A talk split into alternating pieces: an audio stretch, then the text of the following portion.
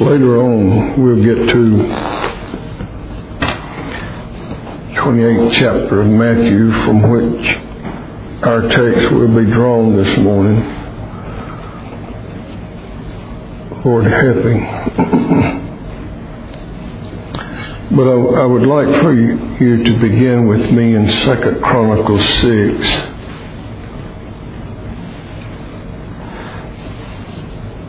I've got several passages listed. I think I'll just try to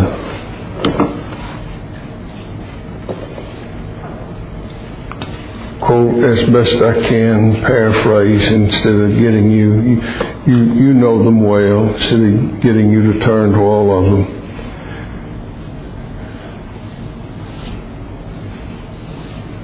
Second Chronicles chapter number number six. I'll read in a few minutes. A few verses from this chapter and then a verse from the next chapter. Before I do though, would you would you bow with me as we seek our Father's face? Be something folk if, if the reality of that song was known here. Thy presence in the assembly. Let us pray.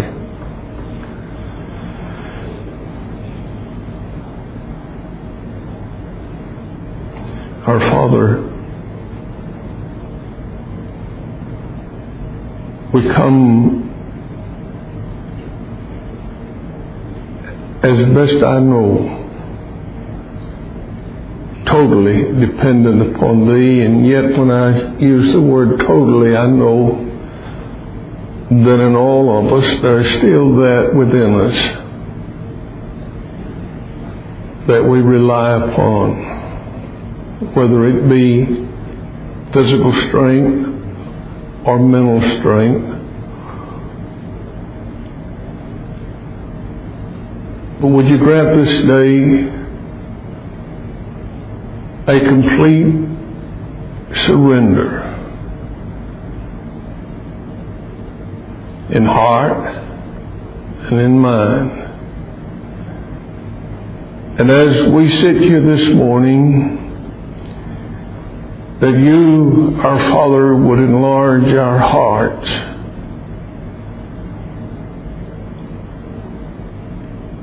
And work so in them that we might find them all running out to Thee that you would, before our eyes, exalt your dear Son.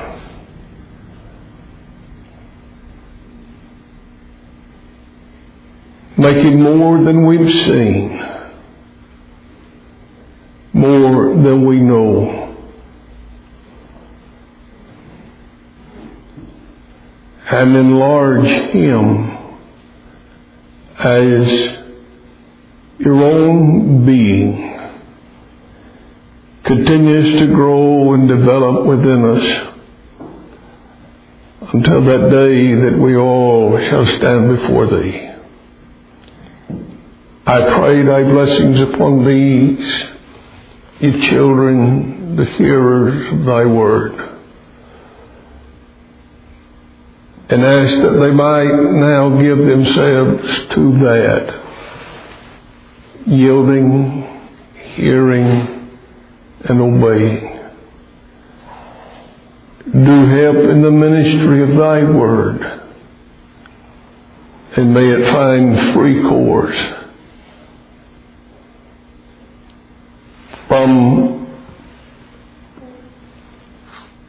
the speaker to the hearer. And that that you do for us, we'll walk away acknowledging every good gift and every perfect gift is from above. It cometh down from the Father of light. Meet with us this day, we pray, in Christ's name. Amen.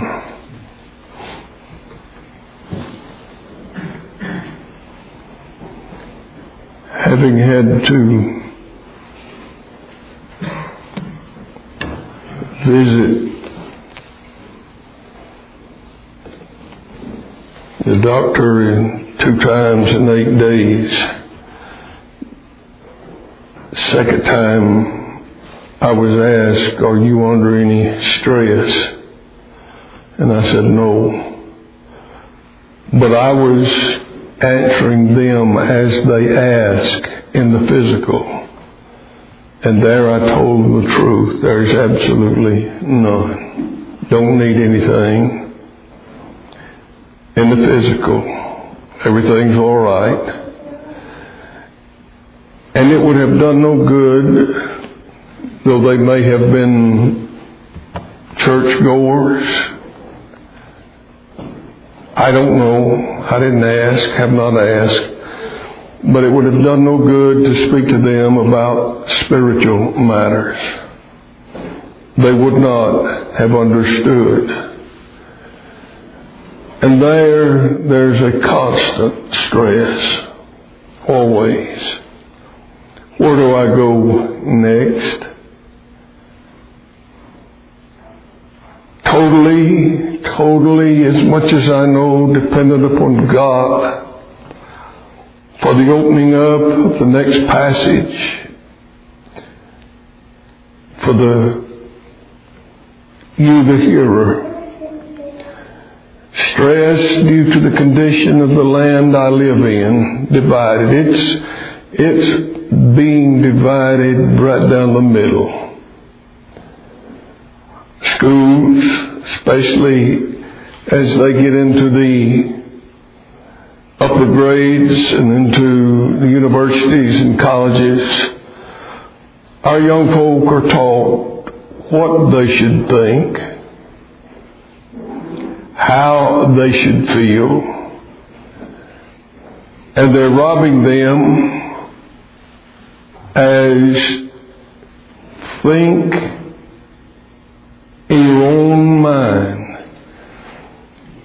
Don't let anybody that includes the preacher, certainly all teachers. Don't let them pass along to you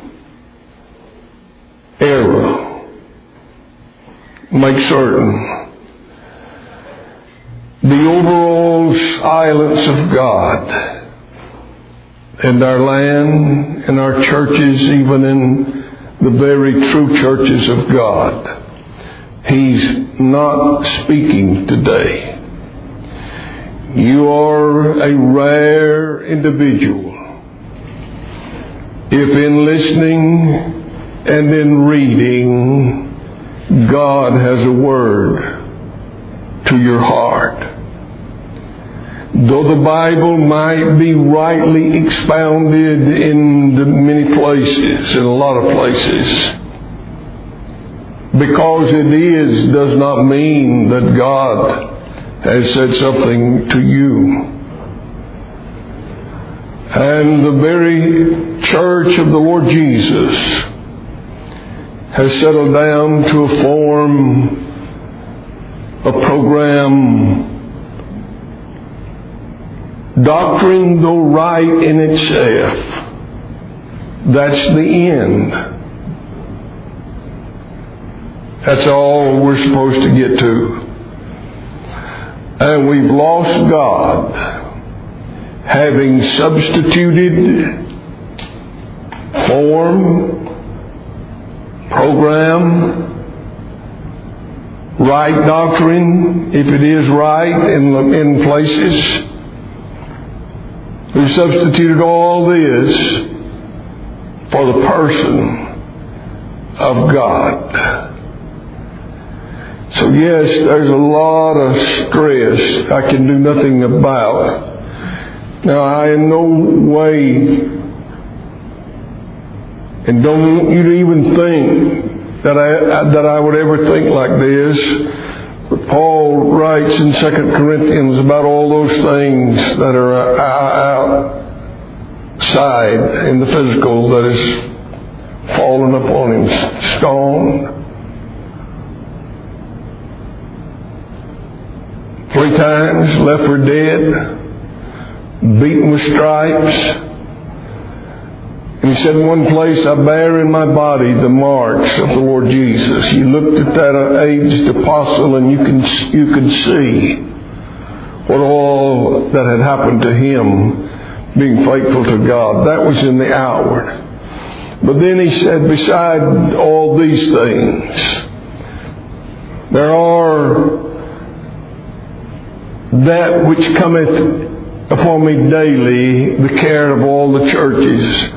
He was not talking about the physical care of the churches. Everyone that had been had been founded under under his ministry. Elders had been selected and deacons, and these were in charge of all in the physical.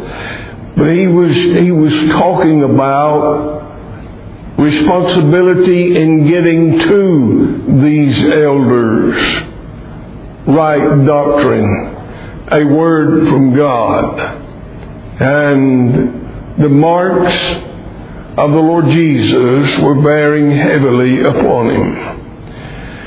But one thing I know about the condition of our nation is the tide is so great and the current is so swift that it cannot be stopped. This does not bother me for myself, not in the least. It bothers me for you. And then more so, especially for your children that are coming along. Now some would say, well, God can. No, not when a society has rejected Him and His Word and has replaced the true and the living God with a God that they formed in their own imagination and in their own thinking, like that in Rome, when they knew God. Romans 1.21, they glorified Him not as God, but became vain in their imaginations, and their evil heart was darkened. Professing themselves to be wise, they became fools and changed the glory of the uncorruptible God into an image made like the corruptible man. Then the birds and the four-footed beast and down all the way to creeping things. Wherefore God gave them up. When God gives up a people,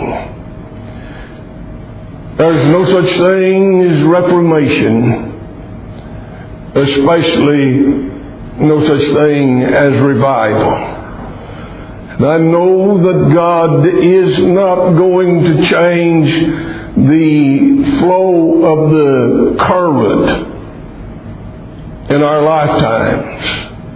It's going to continue to decline.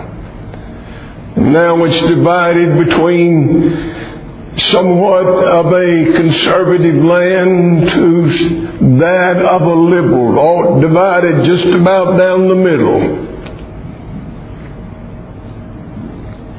Folks no longer know what's true and what's false by all that's being presented to you.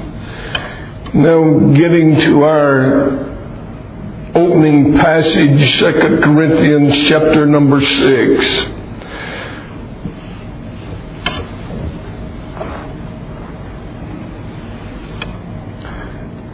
The temple has been built, a house for God, the name of the Lord God of Israel, the arks in it. And Solomon made a brazen scaffold. And then he got up on that scaffold and he bowed his knees and he began praying.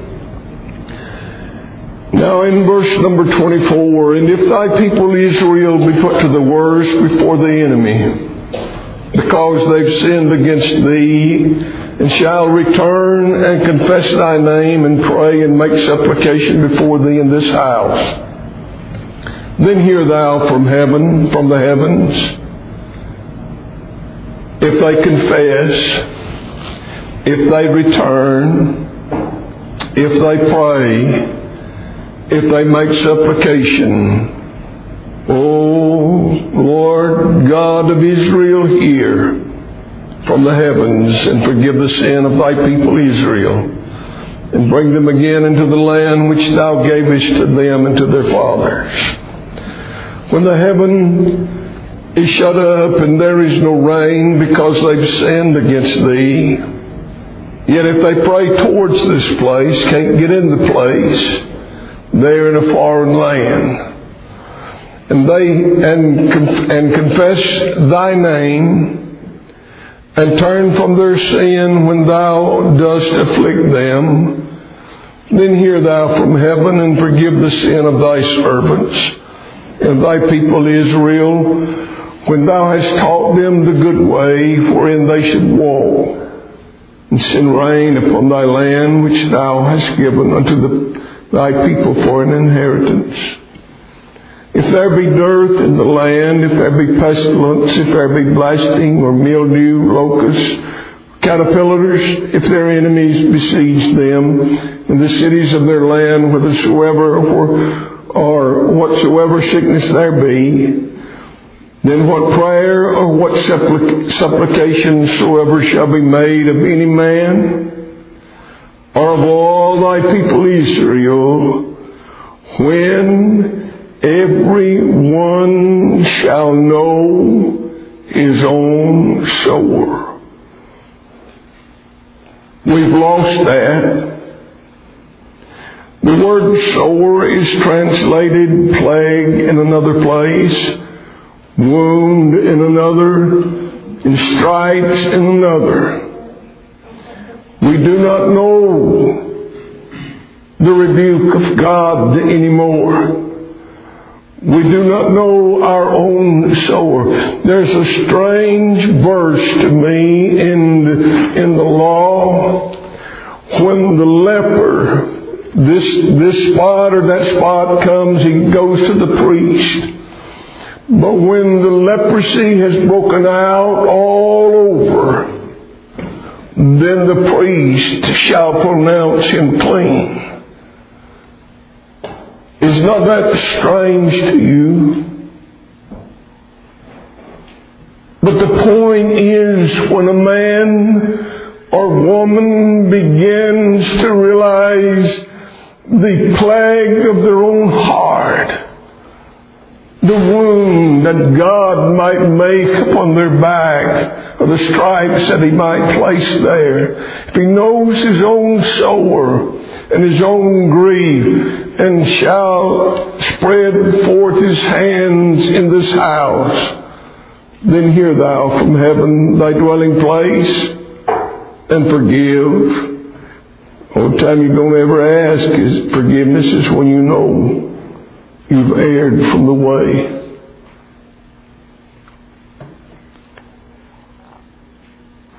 Now, I don't know any of you here. So if this offends, it's because it hits you. How many days out of the week do you feel you need to ask God for forgiveness? Not so much as to what you might have done. You're all decent, upright, moral people. But for what you've done, but beyond what you are, you will remain a sinner. Everything you put your hands to do in the name of God Almighty Sin's there. You bend your knees, sin's there. You oftentimes find yourself struggling. In one minute you might be talking to God, and the next minute your mind be a million miles away. How oft do you say, forgive me. If you know your own sore and your own grief, and then when you pray in God, wherever God has you,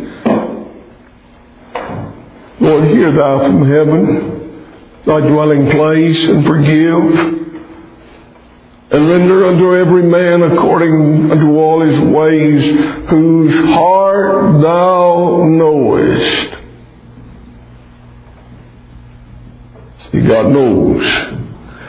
I don't know much about my heart. God does. I don't know much of the hidden crevices within and the seed of, of every sin that you could ever name. I don't know how much lies there, but I know it does. Now, the next chapter, chapter number seven, and the verse that is used by preachers across the land trying to get folk to pray for revival. Listen, verse number 14, 714. If my people, that includes all of us, whether by a profession or by a birth into his family, or being raised in the church of the living God.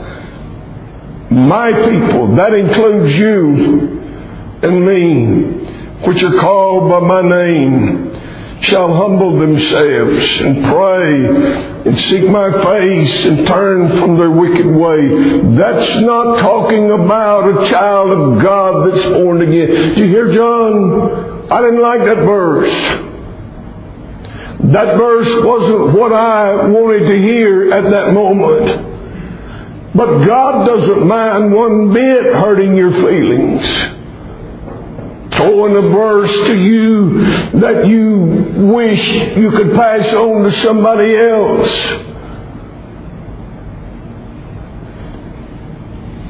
This is talking to a nation, God's people, the elect nation. There's no such thing as a proud Christian living a lifetime being proud. God's going to humble you one way or the other.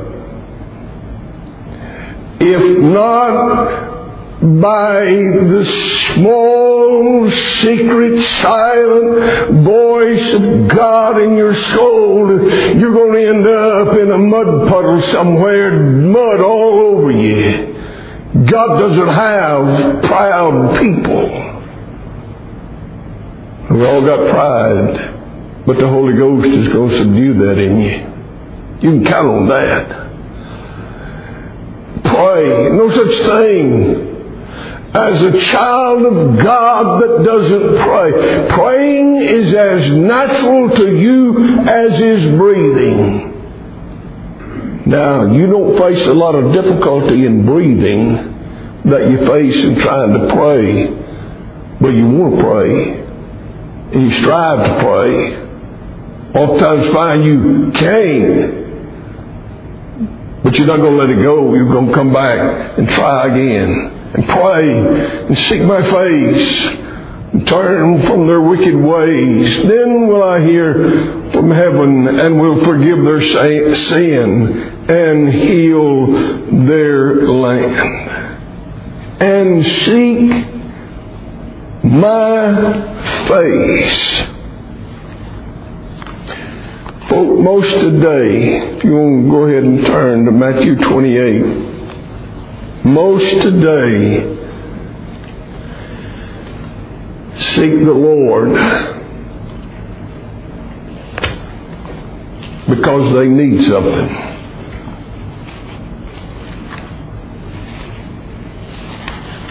Because they want something. They seek Him for what they can get.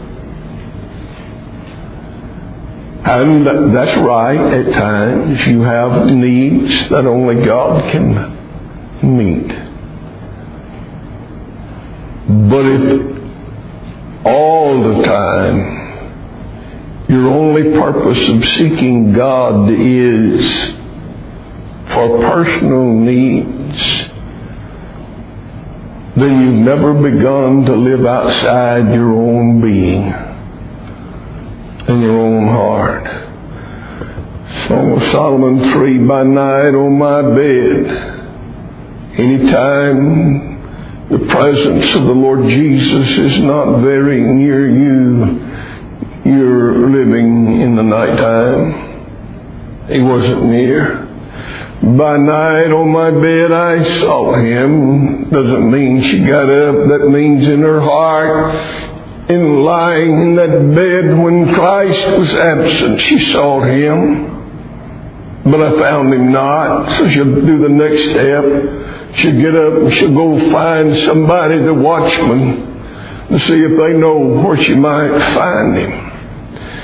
Now, we don't know of anything in, the, in chapter number three that she did that drove away the presence of God. Sometimes He just doesn't appear to you. That's the night seasons of your soul.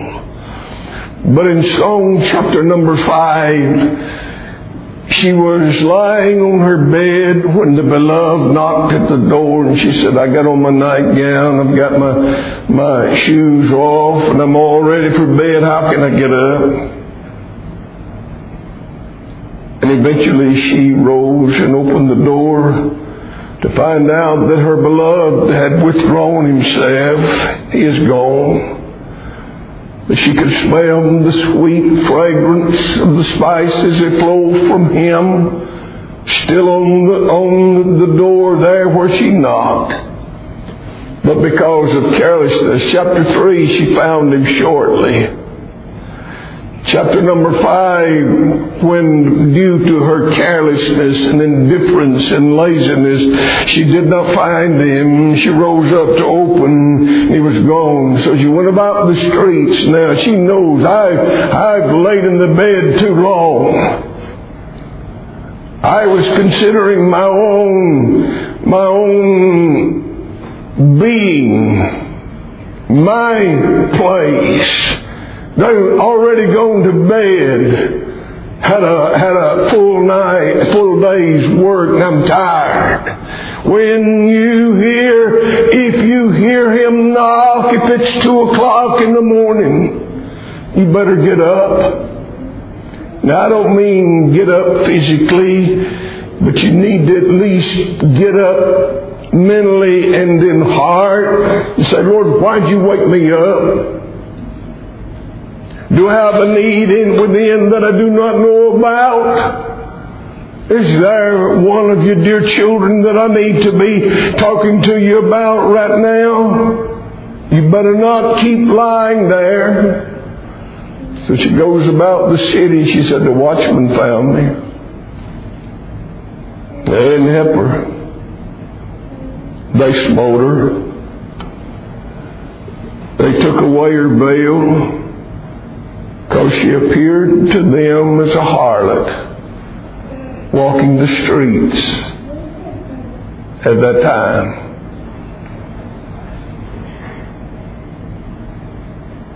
And that's really what we become at times adulterers with our Lord.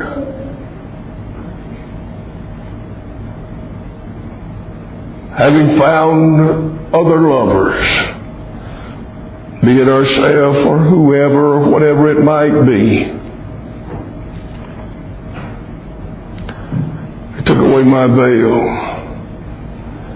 Folk, if you are this morning, if you will sit here and be truthful to yourself, could it be? Is it possible you've lost the Lord?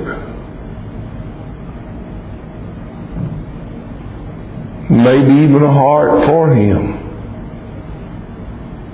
Now you'll lose him at times even when you got a heart for him. but you'll keep seeking.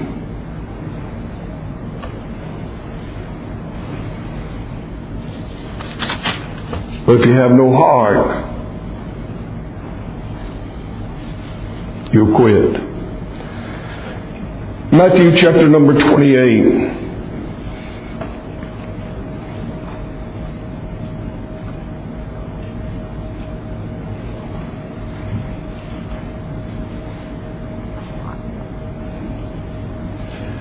Get down to verse number 9. I think the text, the title of, uh, of this morning's, I hope, message to you will be Jesus met them. Jesus met them. Now, I'm not going to read down to there for the sake of time, but cover it with you. Early in the morning, dark, an object in the way, a stone that they could not possibly remove. And yet they had a heart to get to where Jesus was. And while they were going, or sometime that night, there was a great earthquake. And that angel descended, rolled back the stone, and sat there. You can imagine the keepers for fear did shake, became dead as dead men. In verse number five, and the angel answered and said unto the women, Fear not. I know that you seek Jesus, which was crucified. He's not here. He's risen, as he said. Come see the place where the Lord lay. Folks, they didn't need anything. They didn't need anything for family. They didn't need anything for themselves other than where their heart carried them that morning. They just had a heart for their crucified Lord. And though he lay in the grave, they'd get as close as possible. And it was their heart that awakened them early in the morning, or if they had even slept that night, their heart went ahead to the graveside and their feet followed. Their heart carried them. Jeremiah 29, 13, and ye shall seek me and find me. Children, this ought to be, this ought to be a great verse and promise to you this morning. You'll find me when you search for me with all thine heart. I'm here. I haven't gone anywhere. If you'll retrace your steps, you left me somewhere back there. But I'm right here for you. If the entirety of your heart is given to finding me, you'll find me. Now the angel said, I know. How did the angel know? How? They are created beings. They are finite. They are not infinite in wisdom or in power in what they know. I mean, if God, Hebrews, God sends them forth to be ministering spirits to the heirs of salvation, God sends that angel or angels to look after the little ones until they're brought to Christ. God had to give them power. God had to point out, you look after that one. He or she's one of mine. They're created beings. But being created beings, they had a mind, they had a heart, they had a will, a desire to learn, to grasp, and in observing things to find out this about the God that created us. Get back to Matthew 24.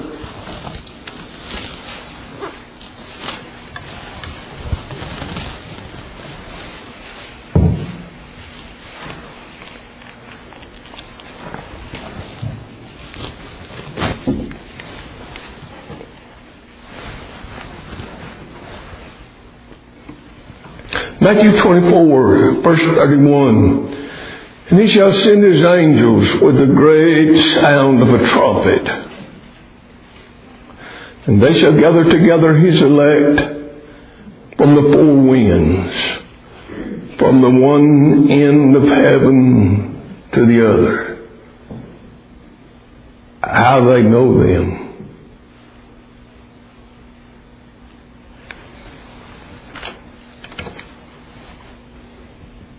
How they know you.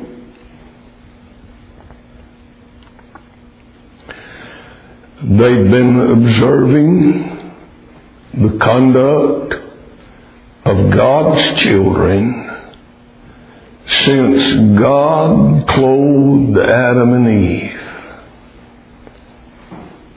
And every Old Testament saint that God called out and brought unto himself through Christ's sacrifice. They've been watching them. They know how a Christian acts. They know how a Christian talks. They know how a Christian is, even around and among unsaved people, their identity does not change. Fail, we all do. Err, we all do. But they've been observing the saints of God for six, eight thousand years. They know you. They knew they knew that those women's heart was after Christ. They know you sitting here today. First Peter 1, Peter talks about the gospel preached unto you with the Holy Ghost sent down, which things angels desire to look in. They've got an unceasing desire to know more about God. And one of the places that they find out about their great Creator and His, His work of redemption is the gospel being preached and God convicting a man, woman, boy, or girl and them seeing true repentance and God given faith brought into exercise to the Lamb of God. They see that. They mark that individual from then on and they'll know the elect of God when God sends them to gather them out.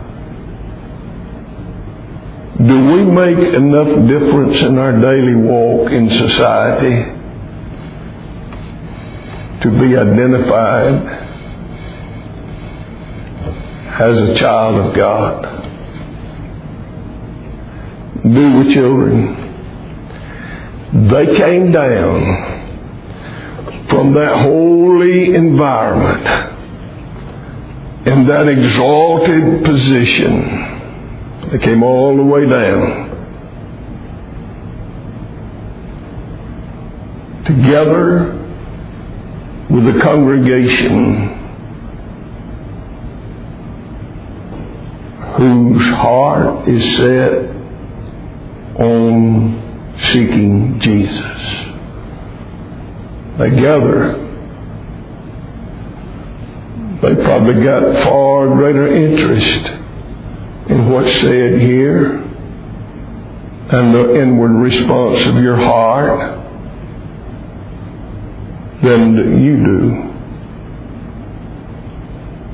They just come down to find out more about the gospel and its effect on God's children. Now,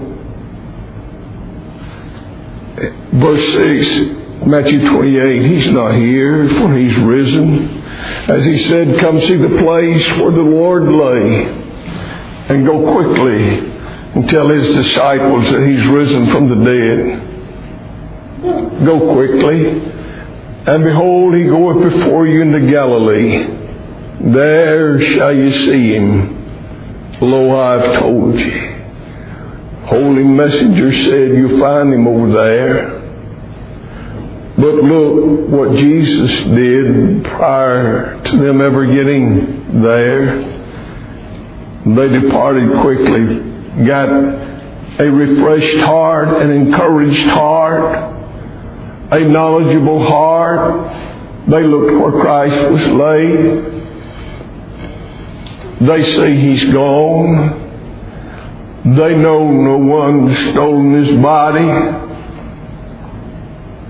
They know he's risen. And they departed quickly from the sepulchre with fear and great joy, and did run to bring his disciples word. They heard, they believed, they obeyed. And as they went to tell his disciples, behold, Jesus met them.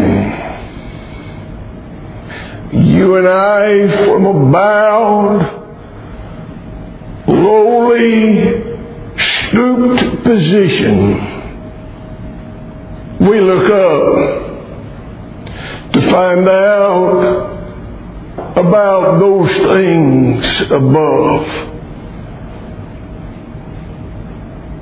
About as high as most folk can get is their own mentality. This is what I think God is, therefore this is what God is. This is what I think the Bible says, therefore this is what the Bible said.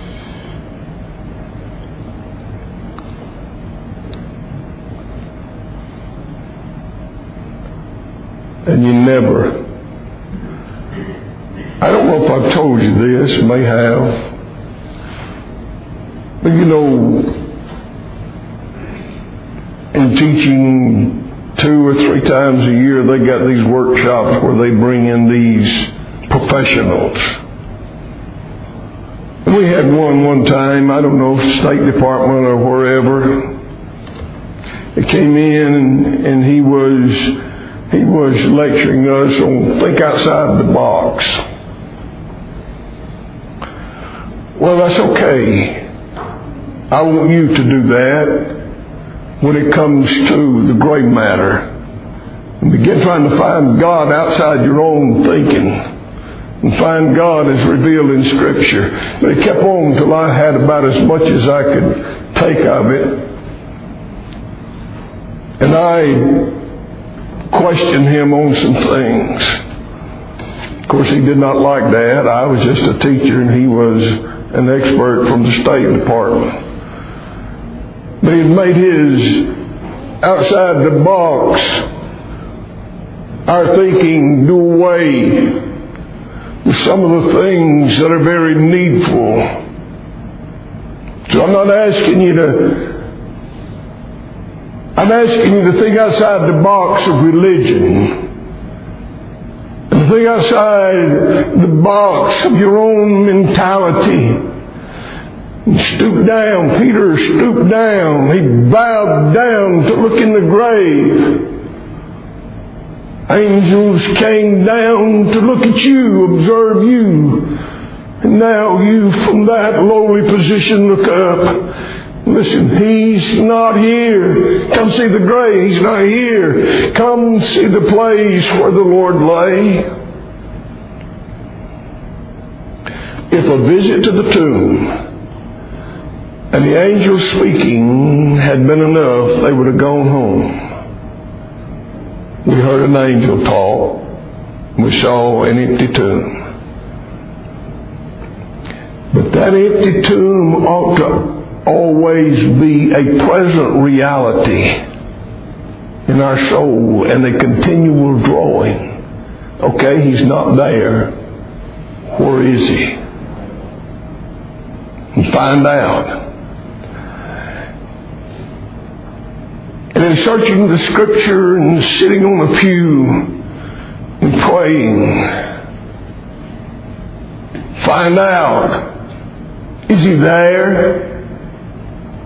Or have these things just became a traditional ritual that we observe?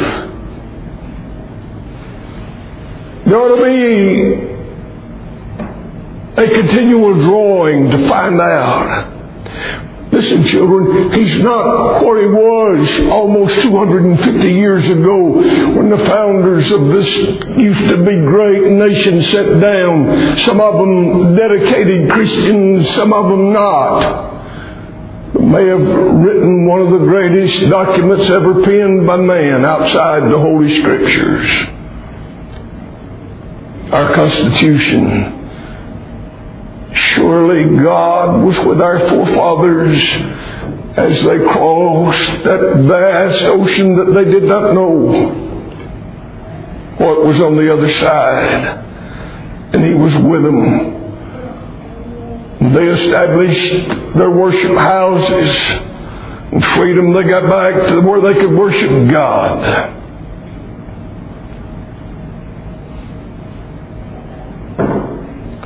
They weren't under the Church of England or the Pope.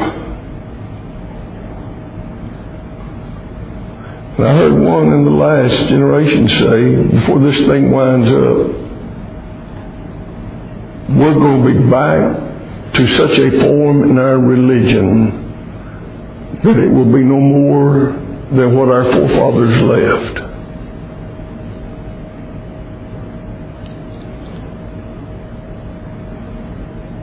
Ladies, he's not here.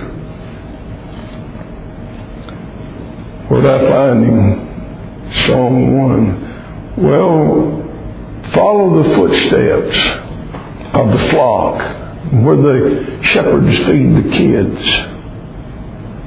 By the shepherds' tents. Look there. Jesus Christ is not in the great devotional books that have been written, though he was with those men that wrote them. And though they have been and continue to be of great importance to me, he's not there. He's not even in the written pages of a book God inspired holy men to write. Or is he?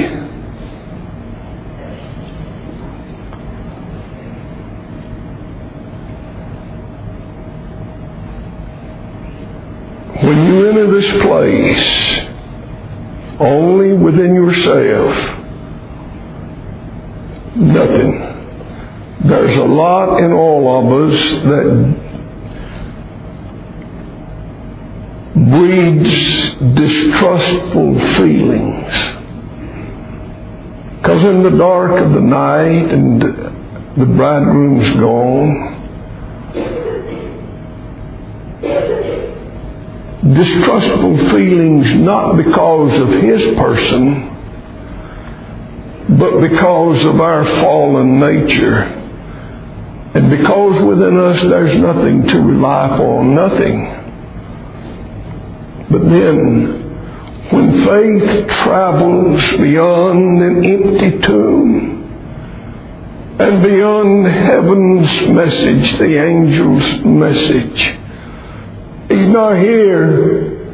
He's risen. Head off to Galilee, for there you'll see him. If we are obedient to the messenger's voice, I hope that it's far beyond that of a mortal creature in a pulpit. And you hear God. You walk out of here saying, Jesus met me. He's beyond the tomb. He's beyond the message of the angel. And we can look up to the great God of all creation, even beyond our fall, our own soul, our utter ruin. Look beyond all that from that empty tomb, look into the very face of God and see God satisfied now towards His people. Christ is not in our formality, though I believe we have as right and as good one as any place I know. God's not in our ritual, though I would desire of you to continue in all that you do here. But He's not in all this. He could be, but not necessarily so. But He's now seated in glory. And so you look beyond the devotion and you look beyond the hymn or you look in these things and you look beyond the message or you look in the message to see Christ on the throne with a God pacified.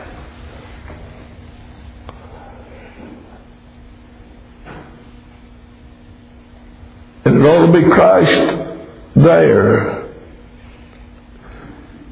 like that giant magnet so so large it's got to be lifted with a crane to let down in a scrap metal pile to pick up the, the metal metal on me. Ought to be that Christ there. The God of peace that brought again our Lord Jesus from the dead. The God of peace. He's pacified. He's satisfied. Not with what you do. Lord, help us. Not with what you have done. God help you if you're relying on something you've done. It's about what He did for you. It's about what He does for you every day. Ladies, fear not. I know that you seek Jesus. I know that all of you will not. I can only trust that some of you will walk out of here today with a heart God has moved to seek the face of His dear Son and get to the living God.